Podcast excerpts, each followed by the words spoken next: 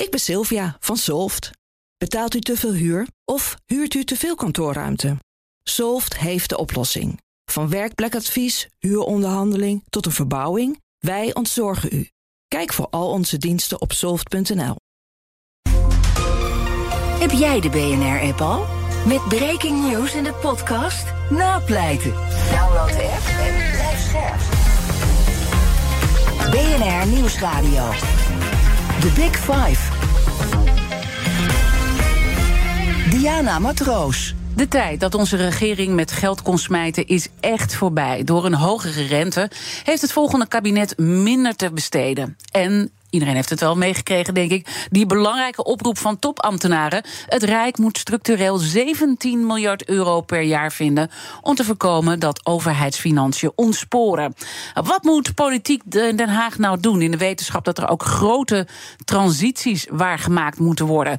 Bezuinigen, meer belasting heffen of totaal iets anders.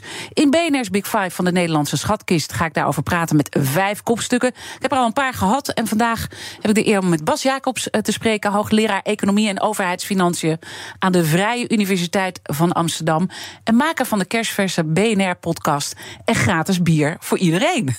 Goedemorgen. Goedemorgen, mooie titel. Was een, uh, was een uh, filijne knipoog, hè, natuurlijk. Nee, dit hadden we al van tevoren bedacht. Oh. Uh, dat vervolgens Caroline van der Plas, zonder dat dat ze dat in de gaten heeft, enorm reclame maakt voor onze podcast, vonden we natuurlijk heel erg leuk.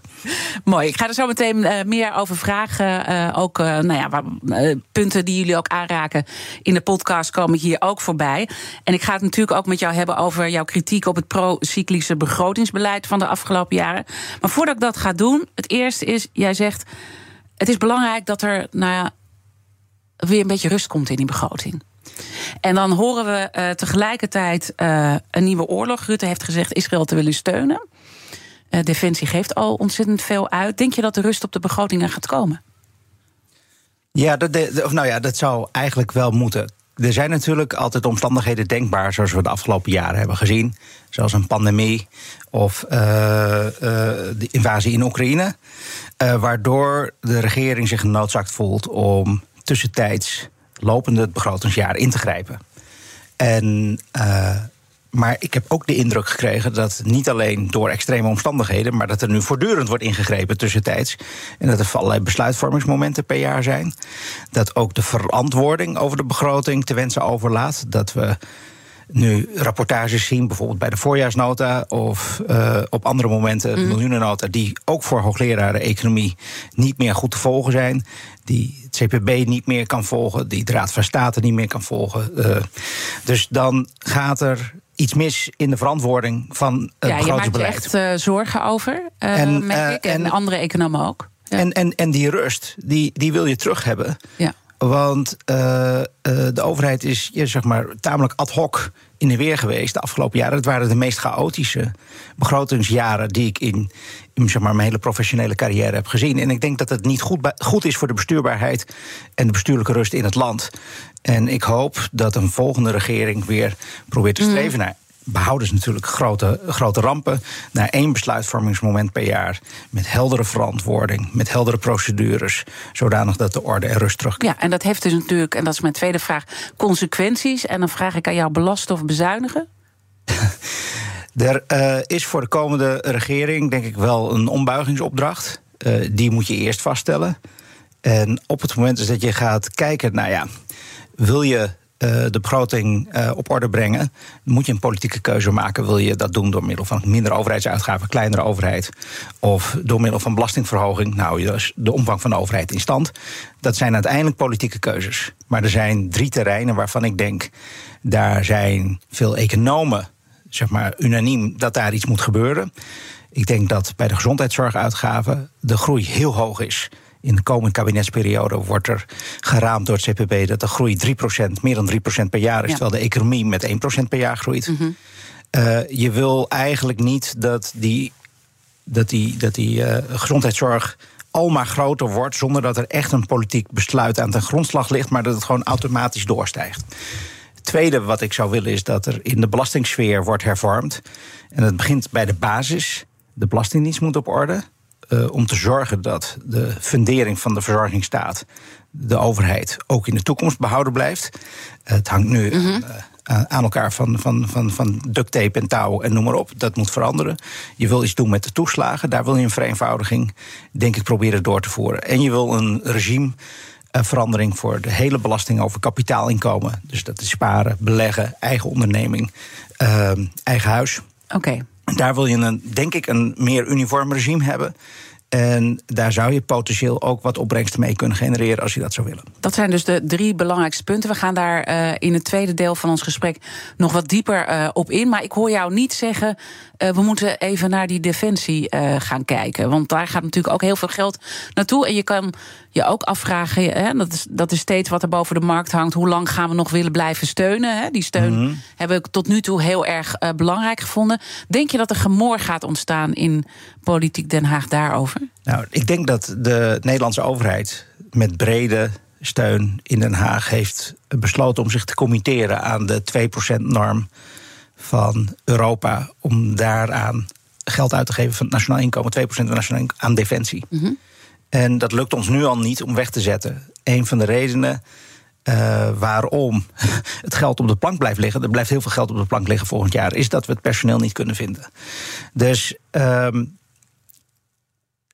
ik denk niet dat er, zeker met grotere internationale turbulentie. Dus wat je nu ook ziet gebeuren in Israël, dat er veel maatschappelijk draagvlak is om nu maar daarop te gaan bezuinigen. Ik denk dat de noodzaak wordt gevoeld om Ja, nou, ik de, de, omdat Europe- de- Europese afspraken na te komen. steeds terugkwam als vraag: we moeten dat draagvlak eh, behouden, want anders eh, gaan mensen er toch anders naar eh, kijken. Hè. Dus het heeft ook een paar keer heeft het op een soort weegschaaltje gelegen van hoe lang moeten we daar nog mee doorgaan. Hè. Dus, en nu kan ik me voorstellen, als het moeilijker wordt met de begroting, dat daar ook kritischer naar gekeken gaat worden. Maar jij zegt Maar, die kant maar gaan we niet defensie op. is relatief klein als begrotingspost. Mhm. De grote uitgaven zitten bij de sociale zekerheid, de gezondheidszorg, onderwijs. Dat is echt verreweg het grootste deel van de begroting. En het tweede is, eh, de politiek moet uiteindelijk deze keuze maken. Wil je meer of minder doen van iets als defensie? En dat is niet aan economen zoals ik om te besluiten of om te adviseren van ja, je moet dat meer of minder doen. Dat Nee. is niet, eh, niet mijn Nee. taak. Maar wat je wel doet, en dat doe je ook in de podcast, is dat je in die eh, eh, cijfers duikt van de poli- politieke partijen. eh, Mhm. Wat ze ons voorspiegelen. En daar gaat die podcast dus over. Wat is jouw eerste indruk van de partijen waar je al naar gekeken hebt? Nou, je ziet wel bij de partijen die zich niet laten doorrekenen door het CPB dat er behoorlijk wat luchtfietserij in zit. Dus dat ze veel beloven en dat het niet zo duidelijk is hoe ze dat gaan betalen. En dat eh, de kansen op grote financieringstekorten heel reëel is. Eh, zo kwam bijvoorbeeld Wim Suiker eh, eerder deze week met een eigen doorrekening van het SP-programma. Wim Suiker is ook iemand die deelneemt aan de podcast en eigenstandig. Ja, eh, en hij het komt van programma- CPB, eh, Hij vandaan, was, was Ja. oud CPB'er. Ja. En eh, hij, eh, hij laat zien dat het SP-programma bijvoorbeeld naar verwachting leidt tot een toename van het begrotingstekort met 25 miljard euro. 2,5% van het nationaal inkomen. En dan is hij nog optimistisch, want er staan heel veel posten in het programma die niet zijn omschreven, maar wel meer uitgaven impliceren. Mhm. Maar hij moet, ik denk dat het wel goed is om daarbij te zeggen dat hij niet eh, de doorrekening kan doen die de CPB normaal doet. Omdat je moet wel ook achterliggende informatie van partijen hebben. Die heeft hij natuurlijk niet. Dus hij moet wel. Nee, maar daarom zeg ik dat wat hij wel kan kwantificeren leidt al tot een toename van ongeveer 25 miljard tekort. Maar dan staat er nog een enorme waslijst aan maatregelen die die SP wil nemen, waardoor het tekort nog groter wordt, maar dat kan hij niet kwantificeren. Ja, en daar zegt Maar- de partijleider Linian Reinissen over. Want dit is wel denk ik het punt waar het over gaat. Waarom eh, meer partijen hebben besloten om dat niet meer eh, te doen, die doorrekening. We hebben een ideeënstrijd nodig en niet een boekhoudersdebat. Bovendien, het CPB berekent van alles de kosten, maar niet de waarde. Dus investeren in zorg, onderwijs en preventie zien zij alleen als kosten terwijl het zoveel oplevert. Wat Ehm, zeg je daar dan op? de- je, je zegt twee dingen. De eerste gaat over eh, de, de strijd, eh, de ideeënstrijd versus de boekhouders. Ja. En voor mij zijn dat geen dingen die tegenover elkaar staan. Ik wil heel graag politieke partijen horen eh, die uitleggen waar ze voor staan, wat voor wereld ze willen hebben, welke belangen ze willen dienen, welke ideologieën ze nastreven. Maar ik wil ook van die partijen horen, ja, hoeveel gaat het dan kosten? Wie ga je aanslaan? Wie ga je wat geven? Wat gaat er vervolgens gebeuren met de overheidsfinanciën en de economie? Dat zijn twee dingen die voor mij niet tegenover elkaar staan, maar naast elkaar staan. En dan, als het gaat over de CPB-modellen, daar kunnen we een heel debat over voeren. Over hoe goed die zijn. Uh, uh, geven ze alle effecten op de economie weer? Mm -hmm. dat uh, ik begrijp de kritiek van sommige politieke partijen dat bijvoorbeeld effecten van onderwijs of gezondheidszorg mm -hmm. langer termijn niet in de modellen zitten. En dan kan je een debat over voeren of dat niet toch zou moeten. Nou ja, of dat uh, modellen soms ook werden gestuurd met de arbeidskorting, want het zou banen opleveren. Dan werd VVD bijvoorbeeld een banenkampioen. Dat is de kritiek van uh, NSC vorige maand. Jawel, maar de, het empirisch onderzoek waarop die modellen gebaseerd zijn, laat zien dat mensen op een bepaalde manier reageren op bepaalde belastingen, op tarieven, op uh, uh, gemiddelde belasting, op marginale belastingdruk. En die empirische informatie is bruikbaar voor het beleid. En politici die nadenken over het optimaal vormgeven van uh, uh, hun, hun eigen politieke programma, mm -hmm. willen natuurlijk weten wat voor uitwerking, of zouden moeten willen weten, wat voor uitwerking hun beleid heeft op de arbeidsmarkt. En op het moment dat je zegt van ja, er wordt nu een beetje een spelletje gespeeld met de CPB-modellen. Uh, om bijvoorbeeld meer banen te genereren. Ja, dat is misschien wat die partij wil. En dan is het handig als ze weten. Nou, als je aan de arbeidskorting gaat draaien, krijg je de meeste werkgelegenheid extra. Uh, dus dat vind ik niet een wezenlijk probleem met de CPB-modellen.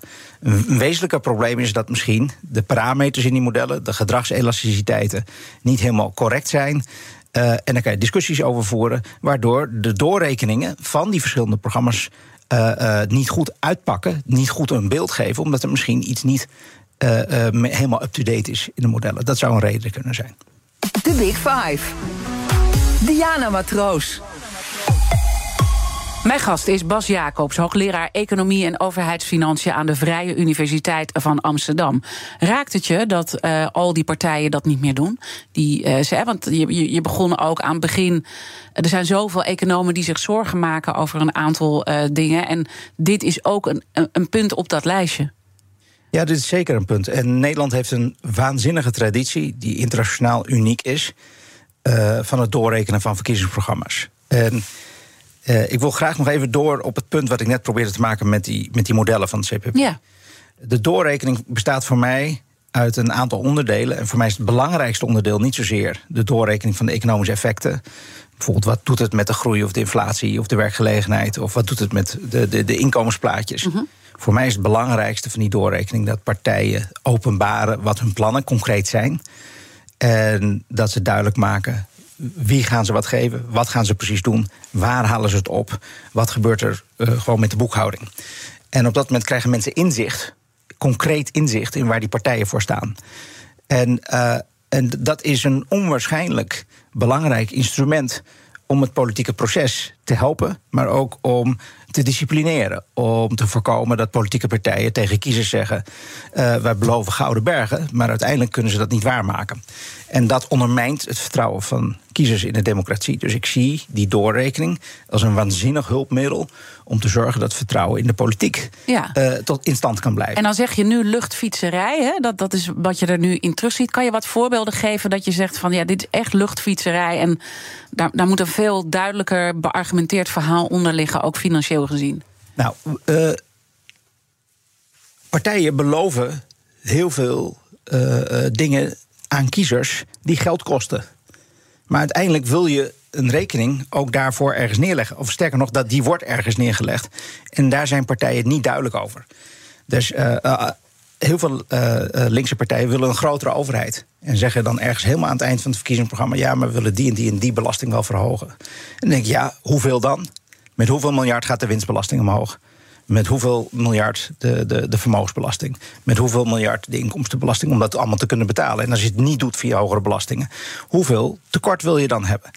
Het geldt ook voor uh, rechtse partijen. Die beloven heel vaak uh, allerlei belastingverlagingen aan allerlei groepen kiezers. En uh, bijvoorbeeld het programma van Van Haga leidt tot een toename van het begrotingstekort van misschien wel 10% van het nationaal inkomen. 10% groter begrotingstekort. Mm -hmm. Nou, dat is, vind ik, onverantwoord begrotingsbeleid. Uh, en dit is een een prachtvoorbeeld van luchtfietserij. We gaan een of andere vlaktax invoeren met een heel laag tarief. Uh, en uh, we gaan een hele hoop belastingverlaging geven. Maar je geeft niet aan hoe je dat gaat betalen. Vind ik luchtfietserij. Allemaal voorbeelden van luchtfietserij. Dan komen we denk ik ook bij het begrotingsbeleid van de afgelopen jaren. Laten we daar wat meer uh, op inzoomen uh, nu. Uh, je zegt, ze proberen steeds de vorige oorlog te winnen. Dat, dat zei je ergens eerder. het kabinet zou iedere vorm van discipline kwijt zijn. Wat, wat ligt daaronder?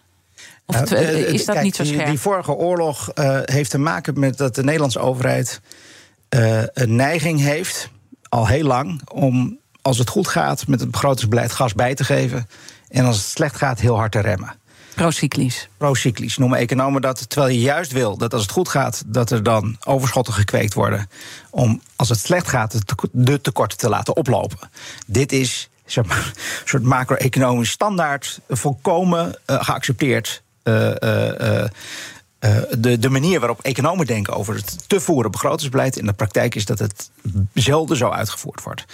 En uh, daar maken economen zich voortdurend druk over, mm -hmm. inclusief ikzelf. Want uh, in de crisis van 2008 tot pak een B 2015 hebben we in de Nederlandse overheid een behoorlijk grote saneringsoperatie doorgevoerd. Waardoor de overheid voor een aanzienlijk deel aanstichter is geweest van die crisis die we in die jaren hebben gehad. Daar heb ik toen de tijd al berekeningetjes en blogs mm -hmm. over geschreven. En daar heb ik me nogal geroerd in de publieke discussie. Uh, boekhouden was niet de manier om een recessie te bestrijden als gevolg van een financiële crisis. Toen hebben we het even goed gedaan met COVID. Ik denk dat we toen terecht in een korte periode uh, veel geld hebben gebruikt om een enorme uitval van de economie door de lockdowns te voorkomen. Maar toen we daaruit kwamen en toen de oorlog in Oekraïne begon, kregen we allemaal aanbodproblemen in de economie. Uh, hoge energieprijzen, de voedselprijzen gingen omhoog, maar ook waren er nog steeds allerlei na-effecten van COVID met ontregelde productieketens, uh, waardoor we minder aanbod kregen in de economie en tegelijkertijd was het begrotingsbeleid heel ruim. Uh, mensen gingen al die opgepotte besparingen uitgeven. er ging opeens ook heel veel vraag de economie in bij minder aanbod en inflatie was het gevolg. Mm -hmm. en op dat moment, toen alle signalen op rood gingen, enorme arbeidsmarktkrapte, enorme inflatie. Uh, de berekeningen voor de output gap die aangeven hoeveel oververhitting er zit in de economie, die gingen ook hartstikke in het rood. Op dat moment had de, de overheid moeten bijbuigen en minder riant begrotingsbeleid moeten voeren, minder expansief. En dat is weer niet gebeurd. Ja. En daarmee is de overheid ook weer een van de aanstichters van nu de economische malaise met hele hoge inflatie en heel veel krapte. Maar aan de andere kant, uh, je geeft het ook al, we kwamen uit een moeilijke tijd. Uh, we hebben ook een heel conservatief begrotingsbeleid uh, gehad na die crisis. Ja. Uh, was het niet ook tijd dat er een beetje lucht in die begroting zou komen? En kan je het vanuit waar we vandaan komen ook wel voorstellen wat er gebeurd is? Um, ja, ik kan het me voorstellen als je probeert uh, te begrijpen wat er. Nou, we kwamen uit, uit een periode met wat economen langdurige stagnatie noemen. Met rentes die extreem laag waren. Die niet uh, zeg maar, genoeg konden dalen om te zorgen voor volledige bezetting, volledige werkgelegenheid. Economen spreken dan van de evenwichtsrente voor de economie ligt onder nul. Nou, dat leidt tot allerlei problemen bij het monetaire beleid. De centrale bank heeft het gaspedaal volledig ingetrapt, maar kan geen gas meer bijgeven. Uh, begrotingsbeleid wordt dan heel belangrijk. Nou, daar heb ik op zitten hameren met mij een aantal andere economen. Nou, toen kregen we natuurlijk die pandemie en toen kregen we uh, de, de, de, de, de invasie in Oekraïne.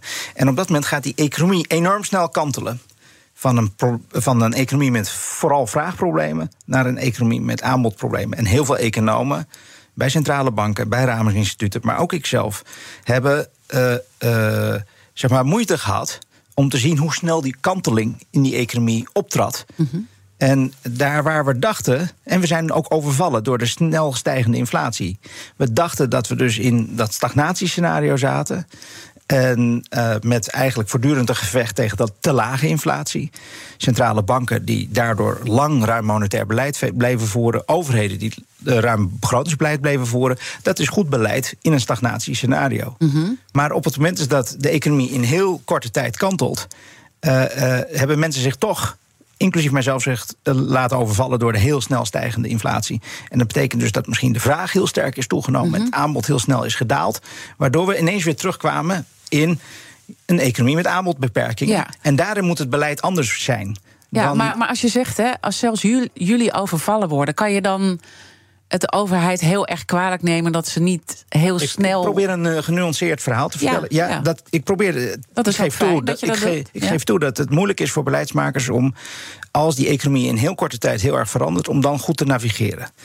Maar tegelijkertijd, wat ik beleidsmakers en ook politici kwalijk neem, op het moment dat je ziet dat al jarenlang seinen op rood gaan, nadat de economie is veranderd, en je dan nog steeds niks doet. Mhm. Dat vind ik wel kwalijk. Nou ja, dus niks doet. Als we nu kijken gewoon naar de huidige stand van zaken. Um, met die hoge inflatie, uh, een milde recessie. Uh, dat het toch eigenlijk nog best wel goed gaat. Dan, dan hebben ze misschien toch ook iets goeds gedaan. Want het had ook heel anders uit kunnen pakken als ze niet al die steun hadden gegeven. Oké, we moeten even, even uh, in, de, in de volgorde van de tijd een paar dingen maken, onderscheiden. Want uh, de, nou ja, als we wat langer terugspoelen, dus van 2008, 2015 was het begrotingsbeleid naar mijn idee veel te krap. Toen kregen we een periode waarin eigenlijk alle politieke partijen naar een ruimer begrotingsbeleid gingen. Dat was gezien de situatie toen, was dat wenselijk. dat probleem met stagnatie waar ik het over had. Toen kregen we COVID. toen was ondersteuning van de economie niet zozeer om te stimuleren, maar wel om te verzekeren om liquiditeit te creëren voor bedrijven, zodanig dat ze niet omvielen. Uh, dat was, toen was om een andere reden een ruim beleid goed. En na, met de energiecrisis, hebben we in zekere zin de fouten van de jaren zeventig herhaald. Want toen zijn we heel veel gas blijven, blijven geven met een economie die tegen aanbodbeperkingen aanliep. En daarmee heeft de overheid uh, de arbeidsmarktschaarste opgevoerd. We hebben niet voor niets heel veel onderuitputting in de overheidsfinanciën. En de inflatie is heel erg hoog geworden. Mede ook omdat de overheid een heel procyclisch begrotingsbeleid voert. Dus het begrotingsbeleid in de laatste fase is, wat mij betreft, gewoon veel te ruim geweest. En uh, nogmaals. Uh, het is misschien moeilijk navigeren, maar toen alle signalen op rood gingen, denk ik dat er niet had besloten moeten worden om steeds maar meer geld uit te geven. Mm -hmm. Wat gebeurd is, maar juist wat minder. Laten we daar dan zo meteen over verder praten. Wat de effecten daarvan zijn. En uh, wat jouw advies zou zijn hoe het uh, anders moet. Zometeen praat ik verder met econoom Bas Jacobs over het begrotingsbeleid van het nieuwe kabinet. Blijf luisteren. Het Eneco Klimaatreport van deze week komt uit Amsterdam. Ik ben Pascal en ik sta hier met de oprichter van Wikkelhuis op de werkplaats. Op, wat zie ik hier? Ja, je ziet allemaal huisjes. En welke rol speelt energie-efficiëntie in jullie ontwerp- en bouwproces? We bouwen alleen maar met hernieuwbare materialen. Maar het leukste is dat we eigenlijk uh, zonne-energie gebruiken voor onze elektriciteit. We hebben duizend zonnepanelen op ons dak van de werkplaats. Duizend zonnepanelen, dat zijn er een hoop. Ik kan me voorstellen dat er veel stroom vanaf komt. Ja, er komt een enorme bak met stroom uit. En soms in de zomer is dat ook te veel. En daarom werken we samen met uh, Eneco, met het uh, opwek optimaal systeem. En wat doet dat uh, systeem? Een soort dimmer. Dat als er te veel stroom is, dat je dat zeg maar wat terug reguleert, zodat er geen netcongestie ontstaat. Want dan zou alles vastlopen. juist de balans op het energienetwerk. Ja, precies. En zo werkt Wikkelhuis samen met Eneco aan klimaatambities. Is het ook iets voor jouw bedrijf? Check dan eneco.nl slash klimaatambities. BNR Nieuwsradio. The Big Five.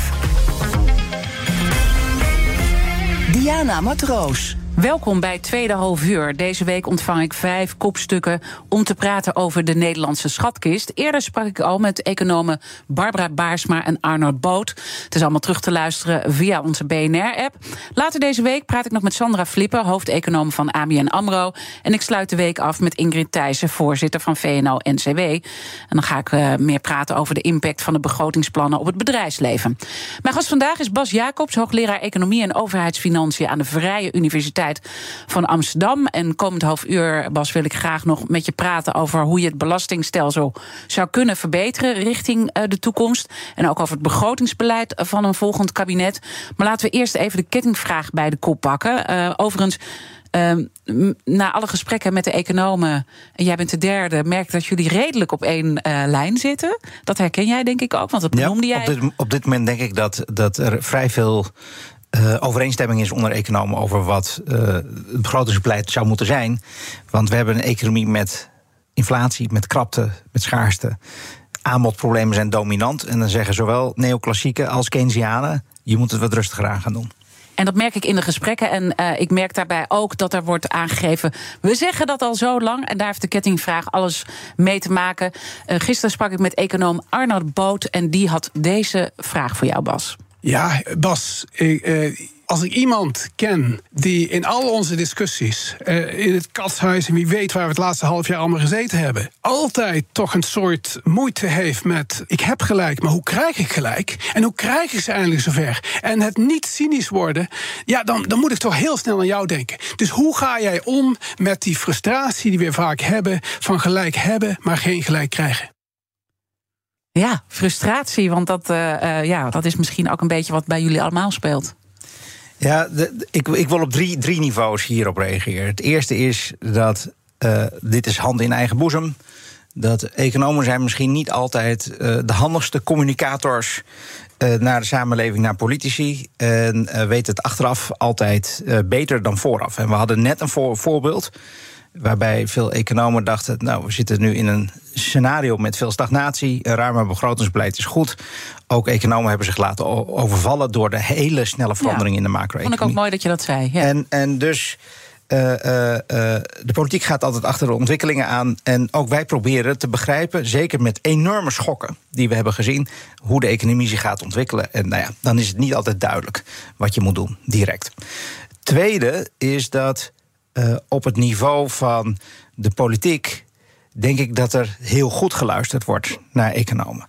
Arnoud Boot die had het over sessies in het katshuis. Nou, dan zit je met de top van de regering te praten over het begrotingsbeleid voor het komend jaar of een, aantal jaren.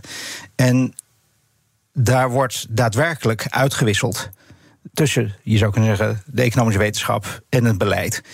Maar heel vaak is het zo, en een oud politicus heeft zich wel eens uh, verzucht bij het aanhoren van mijn pleidooi. Bas, dit kan allemaal wel zo zijn. En dit kan allemaal hartstikke waar zijn en goed zijn voor het land. Maar als ik ga doen wat jij voorstelt, hoe kan, kan ik zorgen dat ik überhaupt nog gekozen ga worden? Dus economen hebben ook vaak voorstellen die politiek niet goed uh, landen en daarom terzijde worden geschoven. Het is niet dat politici niet accepteren of niet inzien dat er punten te maken zijn, maar zij hebben een onmogelijkheid om met die plannen uh, gekozen te worden. Een prachtig voorbeeld was recent nog met de accijnsverlaging. Ik ken geen econoom in Nederland die dat een goed idee vindt. En toch kan dit op een hele ruime politieke meerderheid rekenen. En dat heeft met politiek te maken. Derde, en daar denk ik wel dat er iets veranderd is bij de politiek. Dat uh, in de afgelopen jaren is mijn waarneming dat er veel minder tijd is om na te denken over goed beleid. Veel meer beleid wordt onder hoge druk, stoom en kokend water gemaakt. Met de kleinst mogelijke politieke meerderheden. En dat heeft te maken met politieke fragmentatie en zelfs ook polarisatie. Waardoor het niet meer lukt om op een beetje afstandelijk, mm -hmm. rationele manier te kijken naar economisch beleid. We nemen de tijd niet, we krijgen de tijd niet. Alles gaat in die heksenketel ja. in Den Haag. En tegenstellingen worden dan ook een beetje afgekocht. Ja, Zou ik het zo kunnen op, zeggen? Op het moment is dat, het, uh, uh, dat je een compromis moet maken, wordt het compromis direct in onze moderne uh, media uitgelegd als een verlies voor alle partijen die het compromis sluiten. En het is natuurlijk altijd aantrekkelijker om vanuit de oppositie te roepen: joh, uh, uh, dit deugt niet, want wij hadden een veel beter mm -hmm. idee. Maar we hebben een land met politieke minderheden die altijd met elkaar moeten samenwerken en compromissen moeten sluiten. En nu zie je al een aantal jaren dat het heel moeilijk wordt om compromissen te sluiten. En het gevolg is dat er een hele hoop geld bijgegooid wordt om het politiek acceptabel te maken voor alle partijen die een compromis sluiten. En Rutte 4 was een prachtig voorbeeld mm -hmm. van het afkopen van de politieke tegenstelling. En dan uh, noem jij polarisatie, en dat is ook echt een onderwerp waar veel over gesproken wordt. Hè? Dus in die zin, uh, het gebeurde de hele tijd, maar het werd niet uh, uitgesproken dat het daarover ging. Nu is het oud in die open dat dit het is wat er gebeurt. Is dat de weg naar verandering? Of, zijn we, of, of denk je dat dit gewoon door blijft gaan? Nou, als ik het als een econoom analyseer, dan heb ik de indruk dat we twee publieke goederen verliezen. Het eerste publieke goed, waar we dus met z'n allen een bijdrage ja. aan moeten leveren. Uh, wat, uh, wat niet vanzelf tot stand gebracht wordt, is de publieke discussie.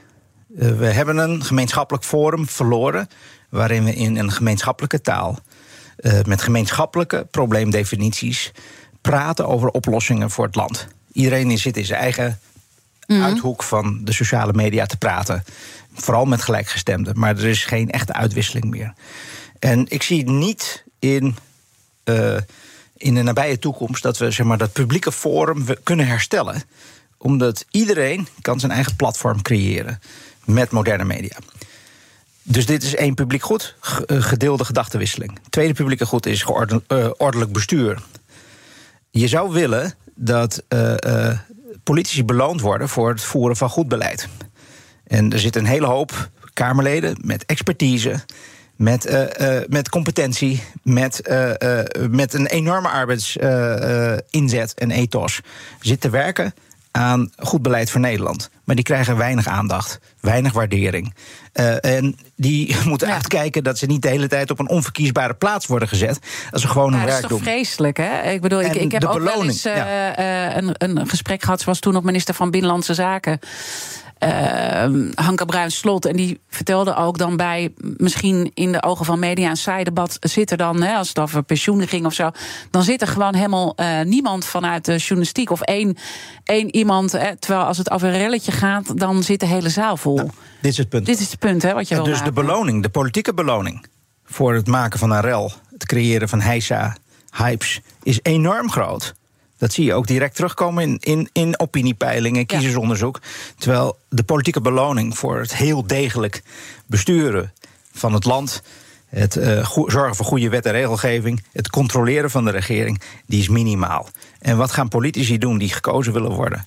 Dus de dingen waar ze beloond worden. Ja, cadeautjes uitdelen en uiteindelijk blijkt het dus niet te kunnen hè, als je en tot daarmee coalitie verliezen we een, een, publiek goed. Ja. Namelijk dat het wordt heel moeilijk om op die manier het land te besturen.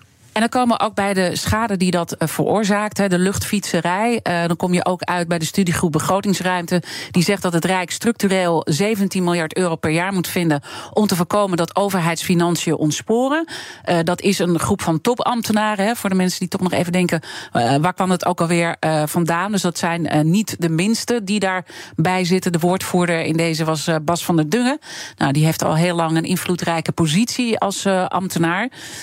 Uh, wat zegt dit dat zij daarmee komen? En jij hebt ze ook gesproken voordat ze met dit verhaal. Zeker, naar ik, buiten ik was een van de experts die ze, die ze hebben geconsulteerd voor dit, uh, voor dit rapport. En uh, dit, dit gebeurt bij iedere regeringswisseling. Uh, dan komt er dus deze groep topambtenaren bij elkaar met, om een advies te formuleren aan de volgende regering. Wat is de opdracht mm -hmm. in de overheidsfinanciën? En um, ik denk dat dit een relatief mild advies is.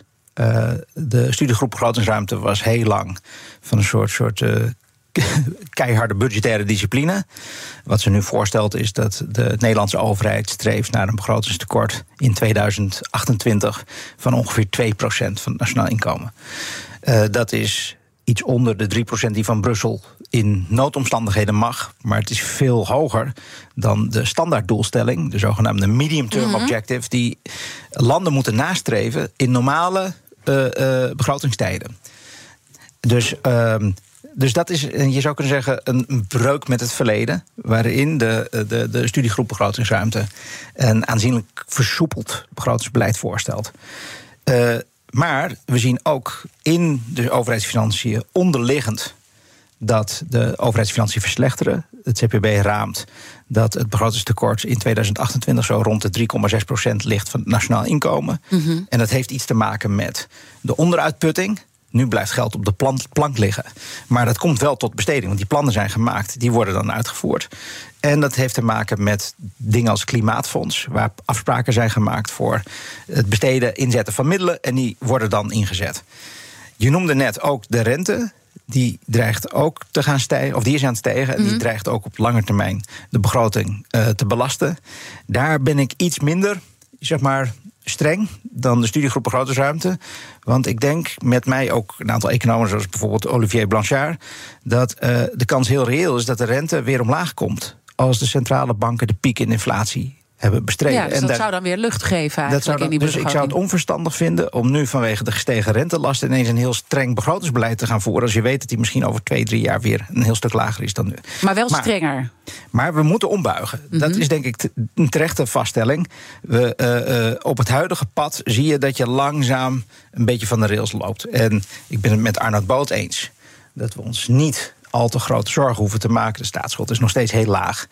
Uh, uh, dus het duurt wel even voordat dat serieuze ja, problemen zijn. Over tien jaar gaan we pas echt de pijn voelen als we op deze ja, maar doorgaan. Ik denk wel dat het gezien de conjunctuur nu verstandig is om wat bij te buigen. Uh, en proberen iets minder veel, geld de economie in te zetten om die krapte en die overbesteding te beperken. En ook op de lange termijn niet van de rails te lopen. Ik ben Olivier van Solft. Betaalt u te veel huur of huurt u te veel kantoorruimte? Solft heeft de oplossing. Van werkplekadvies, huuronderhandeling tot de verbouwing. Wij ontzorgen u. Kijk voor al onze diensten op soft.nl. BNR Nieuwsradio. The Big Five. Diana Matroos. Je luistert naar BNR's Big Five van de Nederlandse schatkist. Morgen praat ik nog met Sandra Flippen. Zij is hoofdeconoom van ABN AMRO. En ik ga natuurlijk zeker met haar praten over de betaalbaarheid van de klimaatplannen. Mijn gast vandaag is Bas Jacobs, hoogleraar Economie en Overheidsfinanciën aan de Vrije Universiteit van Amsterdam. Je hebt net een uh, vraag uh, beantwoord van Arno Boot, maar ik zei al, morgen spreek ik met Sandra Flippen. Wat zou je haar willen vragen? Nou, ik zal haar een heilige vraag, een graalvraag willen stellen. Een hele moeilijke vraag waar het ook een heel moeilijk antwoord op formuleren is, maar wel een belangrijke, denk ik. In de klimaattransitie uh, hebben we een enorm internationaal free-riding probleem. Uh, sommige landen kunnen op eigen houtje wel proberen het CO2-probleem op te lossen, maar dat lukt nooit echt op het moment dat we niet allemaal meedoen. Hoe zorgen we ervoor dat we internationaal tot afspraken komen, bijvoorbeeld over CO2-beprijzing. Uh, om te zorgen dat die klimaattransitie wordt gemaakt. En dat er niet landen zijn die de hele tijd aan het freeriden, aan het meeliften zijn op andere landen. En wat voor ideeën heeft ze daarbij? Mooie vraag, die ga ik haar zeker stellen. En ik zou dit slotstuk van het gesprek willen gebruiken om te vragen aan jou. Uh, je hebt al aan het begin van de uitzending de pijnpunten genoemd. Hè, als het over de begroting, de zorg benoemde jij als uh, groot punt. Uh, nou ja, de belastingstelsel is een punt. Wat, wat zou jij nou doen als je in een nieuw kabinet zou zitten? Um, ik zou je als eerste aanpakken? Ik denk dat, dat Nederland nog een, een aantal grote hervormingsagenda's moet afmaken. Bijvoorbeeld in de huizenmarkt, bijvoorbeeld met stikstof. Klimaattransitie is een belangrijke hervorming van het belastingssysteem is een belangrijke. Uh, dus dat zouden wel belangrijke, uh, belangrijke prioriteiten zijn, denk ik, voor een nieuwe regering. Uh, het geld daarbij vinden is denk ik niet het grootste vraagstuk. Uh, de begroting staat er nog steeds relatief goed voor.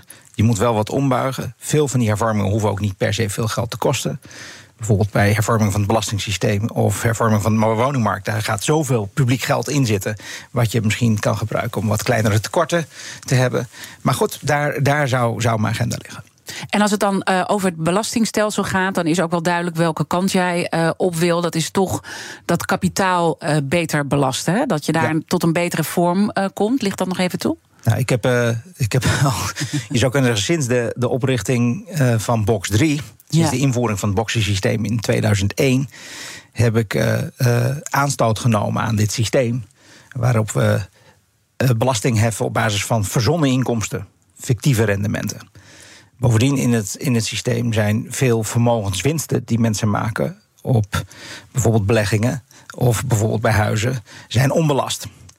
Wat ik zou willen is dat alle vermogensinkomsten uit sparen, dus rente uit dividend op beleggingen, vermogenswinst op beleggingen, vermogenswinst op het verkoop van aandelen van een bedrijf, vermogenswinst bij de verkoop van een huis, maar ook verliezen, dat die allemaal worden belast tegen één gematigd vlak tarief. Van, nou ja, daar gaat de politiek over, van ergens zeg maar tussen de 25 en 30 procent, die orde van grootte. En daarmee zou je een hele hoop constructiewerk overbodig maken. Daarmee zou je een aantal geprivilegeerde posities in ons belastingssysteem, bijvoorbeeld bij huizen, maar ook bij aandelen van eigen ondernemingen in box 2, zou je een einde aan maken. En dat zal uh, uh, kunnen zorgen voor een betere belastingmix. Met minder verstoringen. Je kan de belasting op arbeid ook verlagen als je dat zou willen. Uh, waardoor de economie werken belandt en rentenieren wat minder belandt. En ik denk dat dat een efficiëntiewinst kan opleveren voor de economie. En afhankelijk van politieke kleur, linkse partijen mm. kunnen ook, als ze dat zouden willen, ook een een, een, een hoger deel van de belastingdruk leggen bij de vermogenden in het land. Maar als je dat niet wil, kan Ja. je dat gebruiken om de Maar toptarieven vanuit bijvoorbeeld- politiek eh, is dit natuurlijk geen sexy boodschap om te brengen. Ja, maar ik, mijn taak is. Nee, dat eh, snap eh, ik, hoor. Zijn, Jij bent geen terug bij de politicus. van Arnoud Boot. Ehm, eh, kijk, mijn taak als econoom is toch proberen de samenleving te helpen om een aantal problemen die we zien. Bijvoorbeeld in het belastingstelsel of in de huizenmarkt. mee te denken over hoe we dat eh, op een economisch of verstandige manier kunnen oplossen. Mhm. En op het moment dat de politiek dan vervolgens besluit om dat allemaal links te laten liggen, dan blijf ik toch zeggen wat ik denk dat de meest verstandige manier is. Ja. Eh, alleen zo eh, denk ik dat we uiteindelijk toch misschien overtuigd raken van, kunnen raken van de richting van de verandering. Om John Maynard Keynes te citeren, die zei over het zijn niet gevestigde belangen, maar ideeën die de wereld zullen veranderen. En hij zei er ook nog zoiets van bij van eh, practical men who think they are exempt from any intellectual influence are usually the slaves of some defunct economist. Mooi mad- ma- madmen in authority who hear voices in the air are usually distilling their frenzy from an academic scribbler of a few years back. Sooner or later, it's ideas that change the world for good or evil. Uh, het, het gaat over. Wat mooi dat je dat zo. Je hebt dat zo diep. Dat zit zo diep in jou, dit. dit, dit zit diep in mij. Ja, want uiteindelijk. Kijk je daar vaak naar om dan toch een beetje nog ergens hoop uit te putten? Ik, eh, ik, heb, ik heb ooit. Dit, dit, dit citaat zullen mijn studenten herkennen. Want ik, ik gooi het wel eens eh, eh, de collegezaal in. En ik heb op een gegeven moment een keer van studenten een t-shirt gekregen. waarop dit citaat uitgeprint stond. met een foto van John. Maynard Keynes. Dus als ik dat t-shirt aantrek. dan denk ik er iedere keer weer aan. En dan, dan denk je, het Ja. komt vast een keer goed. ik blijf het gewoon herhalen. Later deze week praat ik natuurlijk ook met Ingrid Thijs. Hè, dus de- zij is eigenlijk een beetje de vreemde eend in de bijt. In deze week, in de zin dat ik met allemaal economen heb gesproken... en met haar afsluit. Ja, hoe kijkt het bedrijfsleven allemaal eh, hiernaar? We, we hebben natuurlijk wel eh, geluiden ook over het bedrijfsleven gehoord... dat er vaak wel erg een wissel op die bedrijven wordt getrokken.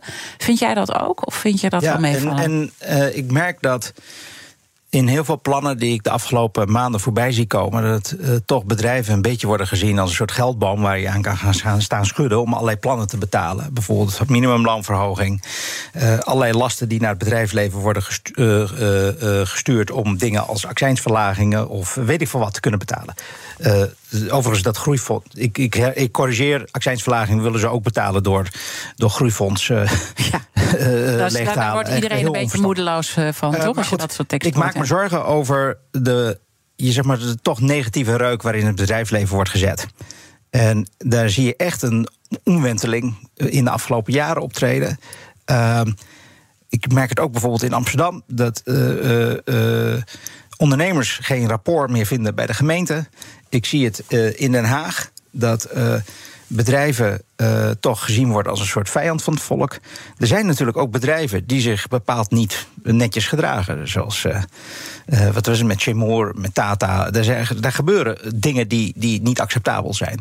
Maar niet alle bedrijven zijn zo. En ik merk dat bedrijven, of het bedrijfsleven, VNO... eh, eh, het volgens mij wel lastig heeft op dit moment om aansluiting te vinden met politiek Den Haag. Wat zou je dan eh Ingrid Thijssen adviseren als je al een advies zou mogen geven? Ehm, dit is een hele ingewikkelde. Ehm, ik denk dat. sterker nog, ik, ik weet het antwoord niet. Mijn, mijn, mijn eerste, mijn gut instinct eh, is: spreek de bedrijven aan die maatschappelijk schade aanrichten op hun gedrag. En probeer die bedrijven die het goede te doen, goede doen als een soort, soort leidend voorbeeld eh, te maken. Zodanig dat de samenleving Ja. niet alleen de, de schaduwkanten ziet, maar ook de goede kanten. Ik denk dat dat heel belangrijk is, want we zijn soms erg met elkaar in het negatieve. En dat zijn ook die, die, die polarisatie, die tegenstellingen. En we moeten ook het goede meer zichtbaar maken. Ik deel dat erg met je. Dank je wel eh, dat je te gast wilde zijn. Graag gedaan. Bas Jacobs, Voelde hoog- me vereerd en gevleid. Nou, wat ontzettend leuk. Eh, hoogleraar Economie en Overheidsfinanciën aan de Vrije Universiteit van Amsterdam. En luister zeker naar zijn eh, podcast. Samen met Esther van Rijswijk maak je die, de BNR-podcast. En gratis bier voor iedereen. En luister zeker ook onze afleveringen allemaal terug. Abonneer op onze podcast via onze app of je favoriete podcastkanaal. Maar blijf live. Zometeen BNR Zaken doen met Thomas van Zijl. Ik wens je een mooie dag. Ik ben Sylvia van Solft. Betaalt u te veel huur of huurt u te veel kantoorruimte? Solft heeft de oplossing. Van werkplekadvies, huuronderhandeling tot een verbouwing, wij ontzorgen u. Kijk voor al onze diensten op soft.nl.